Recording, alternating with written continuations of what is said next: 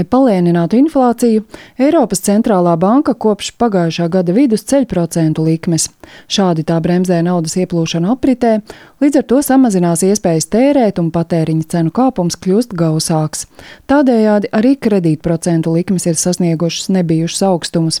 Diemžēl tas skar arī tos kredītņēmējus, kuri aizņēmušies naudu agrāk, skaidro Latvijas bankas ekonomiste Anete Kravīnska centrālās bankas likmju celšana atspoguļojas arī citos finanšu tirgus instrumentos, tajā skaitā Eiribor, kas ir, tā teikt, naudas cena, starptautiski atzīta naudas cena finanšu tirgu, par ko bankas var aizņemties naudu. Un Latvijā liela daļa no kredītiem ir piesaistīta tieši šai te naudas cenai, kas ir Eiribor likmei uz dažādiem termiņiem. Līdz ar to tas mehānisms, kad Eiropas centrālā banka ceļ likmes atspoguļojas arī naudas cenā, un uh, tātad šo naudas cenas pieaugumu izjūt uh, arī lielākā daļa kredītņēmēju. Latvijas bankas rīcībā esošā statistika gan neliecinot, ka kredītu sadārdzināšanās daudziem radītu grūtības tos nomaksāt, taču neskaitāmi ieraksti sociālos tīklos un nu jau arī gandrīz 12 tūkstoši parakstu platformā Mana balss LV liecina,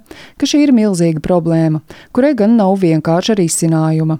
Tā uzskata Latvijas kredītņēmēju asociācijas vadītājs Jānis Āboliņš. Nu, jebkurā gadījumā noslēgtais līgums, kas ir kredītlīgums, viņš ir uh, divpusēji noslēgts līgums.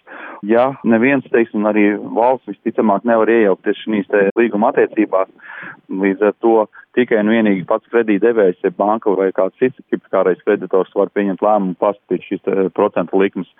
Un tas, ko saka Eiropas centrālās bankas vadītāji, ka tās ir zāles pret inflāciju, diemžēl, jā, tas ir centrālā Eiropā un rietuma Eiropā, bet pie mums, diemžēl, šīs nav zāles, bet šī ir zināmā mērā tāda indes deva. Kredītņēmēju asociācijas pārstāvis apšauba, vai centralizēti būtu iespējams piespiest bankas izmainīt agrāk noslēgtu līguma nosacījumus, tā kā to vēlas iniciatīvas autori, proti fiksējot tādu procentu likmi, kāda tā bijusi kredīta līguma slēgšanas brīdī.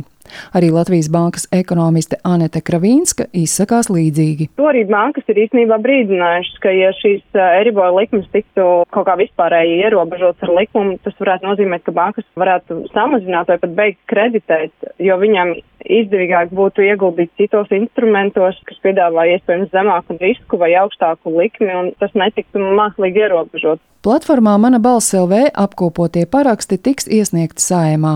Budžeta un finanšu komisijas priekšsēdētāja biedrs Artūrs Butāns no Nacionālās apvienības pauda, ka kredītņēmēju problēmas apspriestas jau vairāk kārt un tām meklēs risinājumu. Septembrī plānojam uzsākt pie tā darbu tas risinājums, kas varētu būt, ka šīs Eiropa likums piemērošana, nu, tas diskusija objekts būtu par to, vai viņi piemērot vai nepiemērot šiem jaunajiem līgumiem, proti tie, kas slēdz šobrīd, bet, nu, ne pie tādas situācijas, ka tie tas ir tiek piemērots visiem, kas jau ir iepriekš, nu, līgumā fiksējuši likmes. Šobrīd mēs redzam, cik, nu, būtiski sadārdzinās viņiem mājokļu kredīti, piemēram. Deputāts pauda, ka situācijā par likmju celšanu agrāk noslēgtajiem līgumiem jākonsultējas ar juristiem, lai saprastu, vai tur iespējams iespējams ko mainīt, taču sadārdzinājumi esot nesamērīgi. Artūrs Butāns arī atgādināja, ka joprojām aktuāls ir jautājums par banku virspēļņas jeb solidaritātes nodokli, jo paaugstināto likmju dēļ tās guvušas pamatīgu peļņu. Lietuvā šāds nodoklis ir ieviests, un pēc Butāna teiktā, kaimiņu valsts budžetā šādi nonākuši jau vairāk nekā 140 miljoni eiro. Šādi iegūtu naudu varētu izmantot grūtībās nonākušu cilvēku atbalstam. Zana Eniņa, Latvijas radio.